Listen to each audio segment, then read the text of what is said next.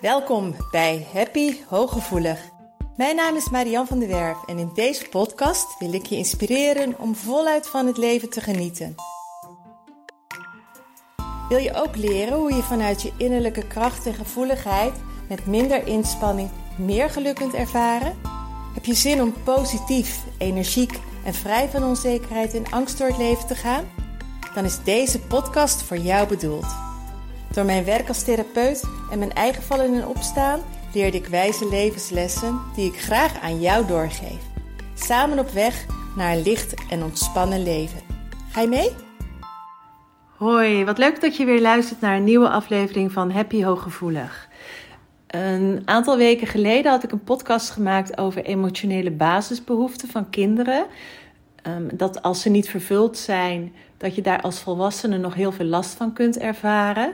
En een van die basisbehoeften is grenzen. En toen kreeg ik een hele mooie vraag van een vrouw, maar ook een moeder. Die zei van hoe doe je zoiets met een weerbastige peuter? Dus vandaag heb ik tegenover mij Linda Hengsmengel zitten van Praktijk Liefs. Ik heb eerder een podcast met haar opgenomen over haar eigen verhaal. Maar zij eh, begeleidt kinderen, vooral ook heel veel hooggevoelige kindjes, beelddenkers, zowel op sociaal-emotioneel niveau als ook uh, op leerniveau. Met anders leren met paarden. En um, wij zijn samen gaan zitten voor een hele mooie podcast over grenzen. Hoe je grenzen stelt bij kinderen, maar ook in zijn totaliteit van uh, waarom zijn grenzen nu eigenlijk belangrijk? Um, wat zijn gezonde grenzen? En het begint allemaal bij onszelf en bij jou. Linda, jij zei daar net gelijk al iets heel erg moois over toen we het over grenzen van kinderen hadden.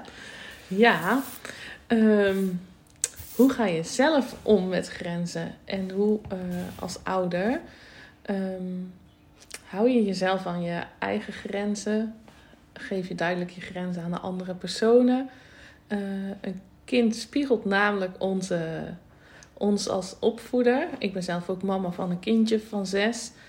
En hij, hij heeft, of een kindje heeft ons als voorbeeld. Dus de eerste vraag is: hoe ga je zelf om met je grenzen aangeven? Jij zegt van uh, een kindje spiegelt. Hè? En, en, en betekent dat ook dat je in je kind terug kunt zien hoe jij zelf met je eigen grenzen omgaat? Ja, wij zijn het voorbeeld eh, van, van het kind. Dus uh, als, ik, um, als ik me niet aan mijn eigen regels en grenzen hou, dan uh, waarom zou een kindje dat dan wel doen?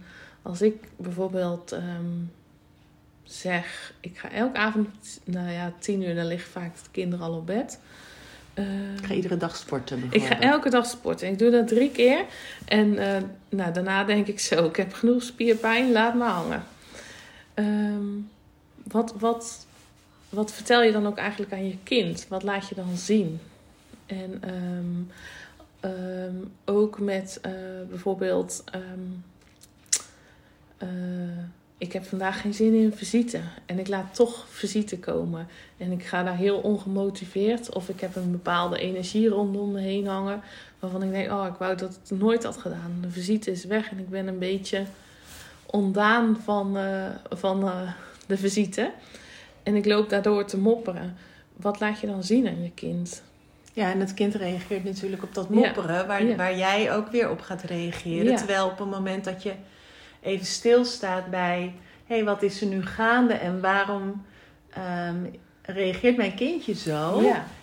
ik zeg dat vaker, wij willen heel vaak gelijk aan de buitenkant oplossen, maar het, dus het eerste is gewoon heel erg mooi naar jezelf al, om naar jezelf te kijken van wat gebeurt er bij mij van ja. binnen en wat laat ik als voorbeeld zien als het gaat om grenzen ja. aangeven. Ja. Ik heb nog wel een mooi voorbeeld van uh, vorig jaar. Uh, vorig jaar um, was ik, uh, uh, had ik een, een periode dat het een beetje hectisch was in ons leven. En ik was vooral bezig om anderen maar tevreden te houden. En dat ging ten koste van mezelf. En um, steeds dacht ik, "Goh, waarom luistert Mas nou zo slecht? Waarom is hij zo eigenwijs? Waarom doet hij allemaal stoute dingen? Waarom, waarom luistert... Ja, gewoon de frustratie die elke moeder wel herkent. Tot op... We waren op eh, zondagavond, we hadden soep gegeten. En eh, Mas die wilde nog een eh, kommetje soep. Dus hij loopt met zijn bordje naar de, naar de keuken toe. Hij loopt door de hal en hij valt met dat bordje, bord kapot. En papa die roept heel hard: Waarom liep je nou door die hal? En ineens dacht ik: Oh, maar ik weet waarom die niet luistert.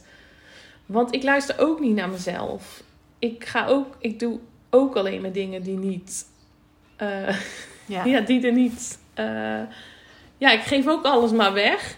In plaats van dat ik naar mezelf luister. Dus ehm, Dat is eigenlijk gelijk al, of eigenlijk niet. Dat is al een eerste tip. Dat op een moment dat je dus merkt dat jouw kind, kindje over jouw grenzen heen Ja. gaat. kijk jouw grenzen negeert. Dat je als eerste voordat je met je, met je kindje aan de slag gaat, waar we zo meteen ook zeer zeker op gaan komen. Kijk eerst eens hoe jij omgaat met jouw grenzen naar andere mensen toe. En ook, eh, want op het moment dat jij een frustratie hebt omdat je je eigen grenzen zelf niet bewaakt en omdat je daar zelf nog iets te doen hebt, kun je ook niet op een goede, volwassen, stabiele manier Reageren. eh, reageren op je kindje. En dan ga je ook vanuit, vaak vanuit een frustratie reageren. Dus ehm, werk eerst bij jezelf eraan. Ja, aan jezelf. Aan jezelf voordat je, ja, ja om, en om- dan zal al genoeg veranderen in het gedrag van je kindje. En je kindje zal rustiger worden, zal beter naar je luisteren. dus je haalt daar al een heel stuk ruis mee Ja. weg. Ja, Oké, dat is al een hele mooie. Ehm, waar ik even naartoe wil, Linda, is eh, als je dat hebt gedaan hè, en je hebt gekeken en je, en je haalt die ruis eruit en dat, dat lost al heel veel op, dan heb je natuurlijk ook nog wel met kinderen te maken. Kinderen gaan over grenzen Ja. heen. Dat, dat eh, is iets natuurlijks, dat Ja. is logisch, dat is een, eh, zeker hè, tussen de anderhalf, drie, vier jaar in die peuterperiode. Ehm, waarom is het zo belangrijk voor ons als volwassenen om op dat grensoverschrijdend gedrag een antwoord te geven. Ik zeg ook altijd verantwoordelijkheid. Verantwoord, je bent als ouder Ja. verantwoordelijk en daar is- klinkt het woord antwoord in. Dus kinderen gaan over een grens, die verwachten van jou een antwoord. Ja. Wat maakt dat het zo belangrijk is om voor kinderen een grens aan te geven? Ehm, ten eerste is het natuurlijk voor de veiligheid. Ehm, Ja, dan praat je sowieso al om veiligheid over het oversteken. Dat ja, de, de praktische veiligheid. Hè? klim niet in die boom, want voor je het weet lig je op de grond. Ehm, eh, maar ook het stukje ehm, dat eh, nee accepteren. Dat niet altijd alles kan. Ja. Eh, ze leren hiermee omgaan door met teleurstelling. Nee, dat iets niet kan.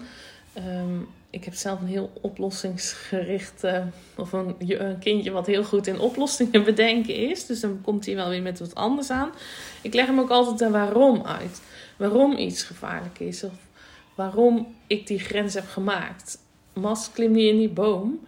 Ehm, we zijn als ouders zeggen we vaak, nou, niet doen. eh, niet in die boom klimmen. Nou, waarom dan niet? Ja, gewoon niet. Daarom is geen reden. Hè? Als je Ja, van de trap ja. valt, ben je snel beneden.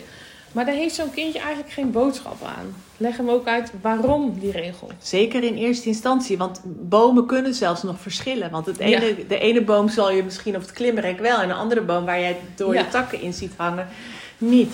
Je hebt het heel duidelijk over de veiligheid. En ik hoor jou ook zeggen, we krijgen allemaal met een nee te maken. Hè? We Ja. krijgen te maken met eh, eh, een nee, en dat is heel belangrijk. En zeker ook uitgestelde aandacht. Wat ik daarbij enorm belangrijk vind, is zeker bij hele jonge kinderen. In, in mijn tijd in het onderwijs hoorde ik heel vaak ehm, kinderen ook in wat niet mag denken. Dan, ik, had, ik, ik had een keer een jongetje in de klas en die maakte nogal eens. ehm, dat, daar was buitenspelen een ding voor. Dus op een gegeven moment dacht ik, ik ga dat eens met hem voorbespreken. Toen zei ik, we gaan zo naar buiten. Wat ga jij dan doen? Niet slaan, zei hij. Toen zei ik, dat is fijn. Maar wat ga je dan wel doen? Geen ruzie maken. Ik zeg, vind ik ook heel fijn. Maar hij was zo gewend om de hele dag te horen: niet dit, niet dat, niet zus, niet op de bank springen, niet zo. Dat hij geen. En jij zegt van Mas, ik denk in mogelijkheden. Hij zag geen mogelijkheden. Hij, was, hij kreeg zo vaak het niet te horen, Ja. dus hij werd heel erg begrensd. Wat onwijs belangrijk is, wat ik daar vooral mee geleerd heb, is dat je kinderen ook een alternatief moet bieden. Want anders dan zijn ze een soort stakt als ze Ja. daar niet zelf op kunnen komen. Dus op het moment dat jij een grens aangeeft, dat mag niet, maar wat mag dan wel? Ja. Of wanneer mag het wel? Zodat ze leren dat nee een nee is, maar er komt een soort onderhandelingspositie, waardoor ze ook een stukje authenticiteit ontwikkelen. Omdat ze wel horen van oké, maar mama neemt me wel serieus. Of papa neemt me Ja. wel serieus. En die, daar kun jij misschien zo meteen wat meer over vertellen. De, hoe essentieel het is dat de grens losgekoppeld wordt van de authenticiteit van het kind. Kun jij daar wat meer over vertellen? Want jij bent een heel authentiek kind. Ja. Ja, waar zal ik beginnen? Ehm, ehm, ik ben voorstander van dat ze veel mogen proberen. Ehm eh, desnoods doe ik mee. Eh, met stukjes... ja. ja, daar kan ik nu even niks van bedenken. Eh, Nou ja, jij ziet, jij ziet bijvoorbeeld, Mas krijgt heel veel ruimte om te spelen, Ja. om uit te vinden. Maar er zal ongetwijfeld af en toe ook een nee komen, omdat Ja. het te laat is. Of omdat je ergens naartoe moet, of dat het niet uitkomt, of dat het weer er niet naar is. En ehm, hoe koppel je dan die nee. de nee los van het zijn? Dat, dat, dat, dat wel die boosheid of de Ja. teleurstelling er mag zijn. Ehm, ik benoem altijd wat positief. Massa houdt niet van op tijd naar bed. Ehm, die zal altijd door blijven gaan. Dan word ik nooit eh, stout of zaggerijnig. Maar hij kan dan bijvoorbeeld om half negen s'avonds bedenken... ik ga nog even een vogelhuisje maken. Dan pakt hij de, zijn jas, zijn laarzen doet hij aan... en eh, is hij al onderweg naar de schuur. En dan zeg ik, joh, Mas, wat ga je nou doen? Ja, ik ga een vogelhuisje maken. En dan zeg ik, joh, maar het is half negen. We zouden naar bed gaan. Oh ja. Ja maar als ik het nu snel doe, dan zeg ik, ja, ook als we het snel doen, wordt het te laat. Dus is het dan een idee dat we het morgen doen of een andere keertje? Zullen we dan gelijk even kijken wanneer we het dan kunnen doen? En dan zal daar, nee, ik wil het nu. Dan zeg ik, nee, vandaag gaan we naar bed. Nu is het half negen, nu gaan we naar bed. En ehm, geef ik hem dus de optie om het later te doen. Ehm, als bijvoorbeeld kinderen naar bed toe gaan en ze treuzelen, ze poetsen de tanden niet. Oh, dan moeten ze nog een keer plassen. Dan moeten we nog even dit, nu nog even dat, nu nog even dat. Dus dan ehm, heel correct. Hè? We gaan nu tanden poetsen, we gaan, eh, we gaan daarna even naar de wc. Daarna gaan we naar boven. Ik lees nog een verhaaltje voor en dan ga je slapen. Ik hou me aan dat stukje. Dus dat je echt weet, oké, maar zo gaan we het doen. En daar houden we ons aan. En dan ga ik slapen.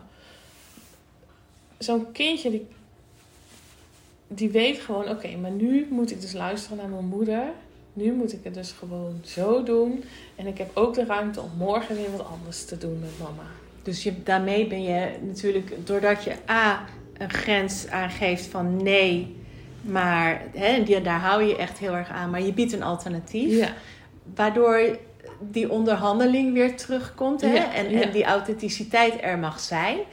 Ehm, dat is al een grens aangeven. Een grens is ook in de vorm van een, een voorspelbaarheid. Hè? Ja. Je wordt ook heel voorspelbaar. En alles wat voorspelbaar is, geeft hou vast. Dus op, op het moment dat jij ineens dan ja zou zeggen... ga dat vogelhuisje maar maken...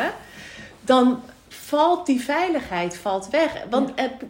een grote kans dat het de volgende dag weer iets Ja. is. Dus kijk ook ehm, waar we mee begonnen. Als jouw kindje heel erg over jouw grens heen gaat, kijk eens heel eerlijk naar jezelf. Hoe vaak heb jij toegegeven, een grens gesteld waar je uiteindelijk je niet aan hield? Of om van het gedram en gezeur af te zijn, of om, ehm, om nou weet ik zelf niet meer wat ik zou zeggen. Of, of om van het ge- gezeur af te zijn. Ja. Of omdat je een grens gesteld had waarvan je bij voorbaat al niet wist Ja. dat je je eraan kon houden. Een grens aangeven met een sanctie eraan vast. Ehm, tegenwoordig zijn ouders soms wel heel bang om hun grenzen aan te geven, omdat ze bang zijn om hun kind te beschadigen. Een eerlijke sanctie in de vorm van een alternatief. Of zelfs even van: oké, nu is het even helemaal klaar. Nu wil ik dat je tien minuten naar je kamer gaat. Of Ja. nu wil ik dat je bij me op de stoel komt zitten. Of nu wil ik ehm, dat. Dat, dat, wij worden ook ontslagen als we 26 keer niet op ons werk aankomen. Ehm, als jij net een nieuwe baan hebt en je houdt je niet aan de afspraken, dan knal je er ook uit. Dus regels zijn er niet voor niets. Nee. Dus ergens een keer een sanctie als een kind over de grens blijft gaan. Als het maar een eerlijke sanctie is die voortkomt uit jouw volwassenheid. En niet uit frustratie Nee. en boosheid of ik roep maar wat waar je je niet aan kunt houden. Want dan gaan ze merken van hé, hey, mama zegt dat wel, maar mama doet het niet. Nee. Dus, en jou, jij hebt hele voorspelbare. Ja, ik heb Grenzen. gewoon een kader. Binnen Ja. dat kader blijven we. En we gaan heus dat kader wel eens een keer te buiten. Of... Maar ik weet ook dat ik dan weer heel snel terug ben in dat kader. Gewoon, eh, ja, gewoon een duidelijk dagschema met daarbij behorende regels. En ehm, ik ben een voorstander van om kinderen veel vrijheid te geven, veel ontdekken, veel, maar wel binnen die kaders. Ja, ja want die authenticiteit En- ja. is ook wel heel erg belangrijk. En Linda, waar ik ook wel ehm, wat, wat dieper op door wil gaan in deze podcast, is ehm, boosheid. Ik Ja. merk in mijn praktijk dat ik heel veel cliënten heb die vroeger niet boos mochten zijn. Ja. Die ehm, geleerd hebben dat dat niet netjes was, dat dat heel erg afgestraft wordt. Zelf ehm, mochten mijn kinderen best boos zijn, maar dat betekende niet dat ik toegaf. Nee. Maar ze kregen wel die ruimte. Kun jij daar iets meer over vertellen? Hoe belangrijk het is dat kinderen ook daar merken en wat jouw rol als ouder dan is om met die boosheid te dealen? Eh, ehm, ik weet nog eh, dat ik als kraamcadeautje een, ehm, een, eh, een krukje kreeg. Het nadenkkrukje. En ik moest er wel om lachen. Ik dacht een nadenkkrukje. En nou, daar stond dan een, een gedichtje op. Dat na tien minuten mocht je weer terug de kamer in. Toen dacht ik, jeetje, dat... nou, dan hoop ik niet dat ik dat een keer nodig heb. Ehm, eh, zo, dan ben ik even de draad van het verhaal kwijt. Kijk, ik vroeg over hoe, ga je, hoe mag een kind boos zijn? ja, een kind mag zeker boos zijn. Een kind moet boos zijn. Een kind moet verdrietig zijn. En heel vaak worden we, wordt dat een beetje afgekapt en afgestraft. Ehm, heb je een kindje wat heel boos is? Ehm, ja, ga maar even op de trap zitten. Ga maar even dit. Ga maar naar je kamer. Ik hoef je voorlopig niet meer te zien. Ga maar op dat nadenkkrukje zitten. Want hè, buh. Ja, zo werkt het niet. Want waarom is jouw kindje boos? Is boos boos? Of is boos verdrietig? Of, of speelt er meer onder jouw kindje? Ehm, eh, heel veel kinderen die ouders zeggen, ja, mijn kindje is zo boos. Ehm, slaat met de deuren. En ehm, als hij dan boos is, dan stampt hij de trap op, gooit hij boven de deur dicht, schilderijen vallen van de muur af. Ehm, dan zijn ze wel heel erg boos. Eh, maar heb je ook wel eens afgevraagd als ouder waarom dat kindje boos is? En laat boos boos zijn door, door het te benoemen. Ik snap dat je boos bent, ik snap dat het niet leuk is, maar ja, je moet je wel. eh, ze moeten het kunnen uiten, want als ze het op gaan kroppen, zorgt dat voor zoveel meer boosheid, frustratie, eh, ellende. Ja, ja. Nu denk ik, jij zegt heel mooi van ga erover in gesprek. Als een kindje heel boos is, lukt dat niet. Nee, dat nee. is bij ons volwassenen ook. En dan ik heb natuurlijk al heel veel over het autonome zenuwstelsel gehad. Dat werkt bij jouw kindje ook zo. Op het moment dat, dat er met deuren en dergelijke geslagen wordt, Kan je geen gesprek voeren. kun je geen gesprek Nee. voeren. Ehm, laat ze maar even afkoelen en lekker in die boosheid zitten. Ehm, ga na een minuut of tien gewoon naar boven. En zeg, goh, wat was er nou zo ernstig? Waarom je zo boos werd? Of waarom? Ehm, welke gedachten gingen er door je heen en waar voel je nog meer de boosheid en wat kunnen we eraan doen? Ehm, ik heb ook altijd als, ehm, als kindjes bij mij in uh, coaching komen en uh, dat kindje is heel boos, of vaak boos. Um, laatst had ik een meisje die verstopte zich telkens als ze boos werd en bleef daar dan ook de hele middag in hangen. ik heb dan een label en ik leg daar een ei op of een mandarijn of nou, vooral nu paaseieren dan gaan we altijd met die lepel door de wei lopen. Net zolang totdat die, dat, dat paasei er een keer afvalt. En ehm, ja, wat heb je dan weer nodig om die, die ei weer op die lepel te krijgen? Dat ei. Lekker Nederlands. Ehm, je moet iets hebben waarmee je ze eruit kan halen uit die boosheid. En uh, bestempel niet alles op die boosheid. Ja, hoe moet ik dat nou even goed nou ja, Dat, je, dat een kind niet afgerekend wordt op, de boosheid, boosheid al aan zich.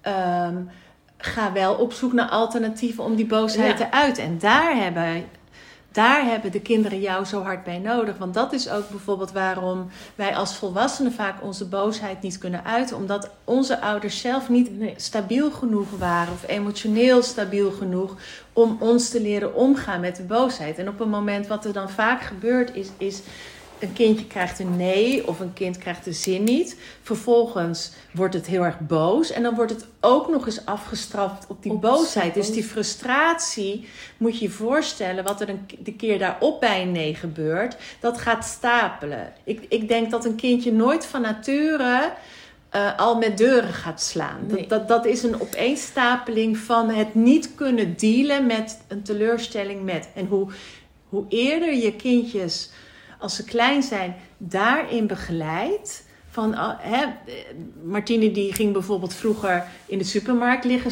stampvoeten en trappelen. Nou, dan liet ik er maar een poosje liggen. En dan ging ik in de tussentijd wat meer doen. En dan ging ik nog eens bij de kijken. En dan zeg ik, ach meisje, ben je nou nog steeds zo boos? Ja, ik wil dit en dit. Ja, nee, vandaag niet dat gaan we niet doen, want we hebben genoeg andere dingen. Nou ja, en dan op een gegeven moment stond ze op en dan was ze er weer.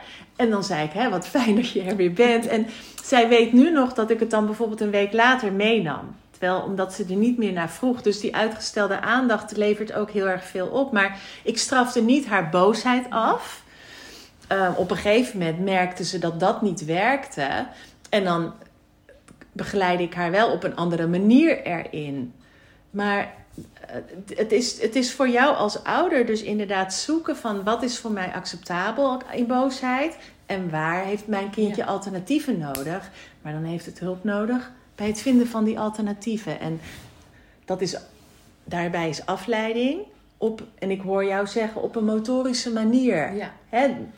Zoek afleiding in iets helpen, iets doen, een klusje. In plaats van een nadenkkrukje met een tekst erop. Ja, ja. Um, um, Misschien kun jij iets vertellen wat motoriek sowieso hierin voor rol kan spelen. Ja. Als het gaat om de rechter en linker hersenhelft. Ja, dat kan zeker. Uh, ik help natuurlijk heel veel kindjes met leerproblemen. En, uh, en ook sociaal-emotioneel. Um, wat het steeds meer is, dat kinderen uh, rechtsbreinig blijven. En het onderwijs is georiënteerd op het linker gedeelte. Ja, en heel, vooral hooggevoelige kinderen. En heel veel hooggevoelige kinderen zitten in, die, in dat rechtse brein. Uh, en daar zit je ook je emoties in. Daar zitten je emoties. Zijn heel erg gevoelig. Uh, nou ja, hooggevoelig. Um,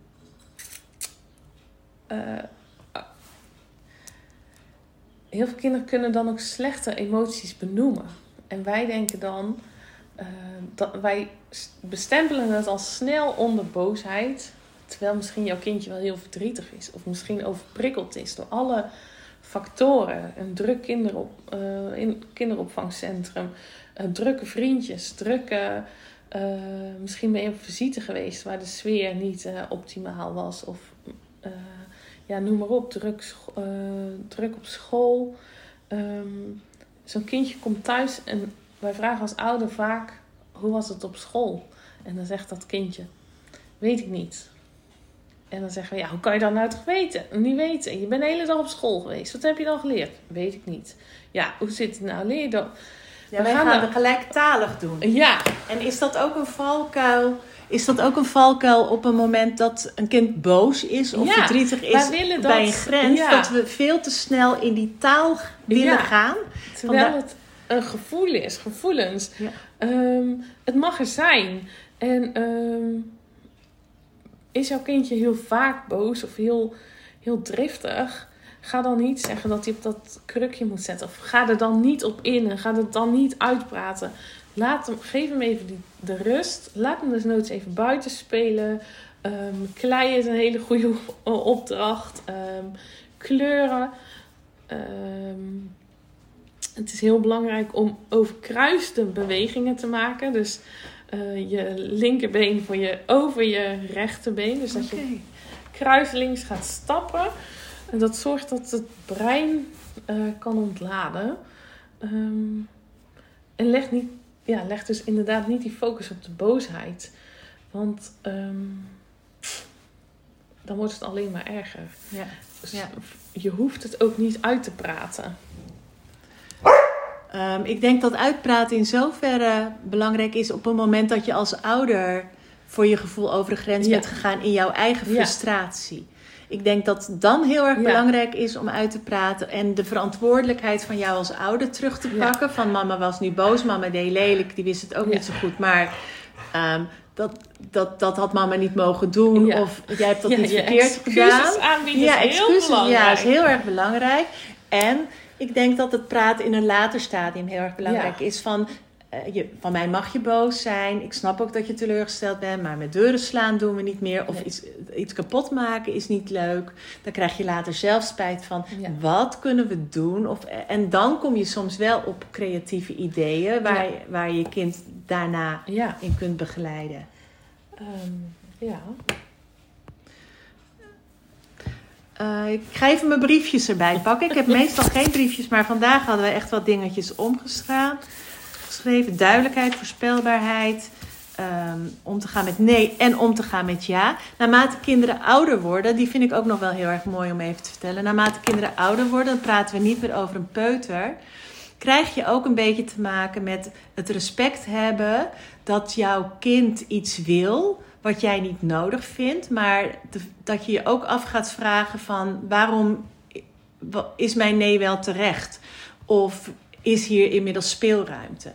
Uh, ik zal zelf nooit vergeten dat Martine um, heel, heel, al heel snel verantwoordelijkheid kon dragen. En dat ik dan op een gegeven moment bijvoorbeeld een nee zei, omdat ik zelf te moe was of omdat het voor mezelf niet zo goed uitkwam. Um, waarvan ik dan later dacht van is mijn nee wel helemaal terecht. Want als ik een stukje verantwoordelijkheid gewoon bij haar laat, wat ze aan kan, kan mijn nee ook een ja worden. Dus ik denk wel dat in het grenzen aangeven, dat in het begin kun je nog heel duidelijk als ouder uh, de nee hanteren, uh, omdat nee nee is en die uitleggen.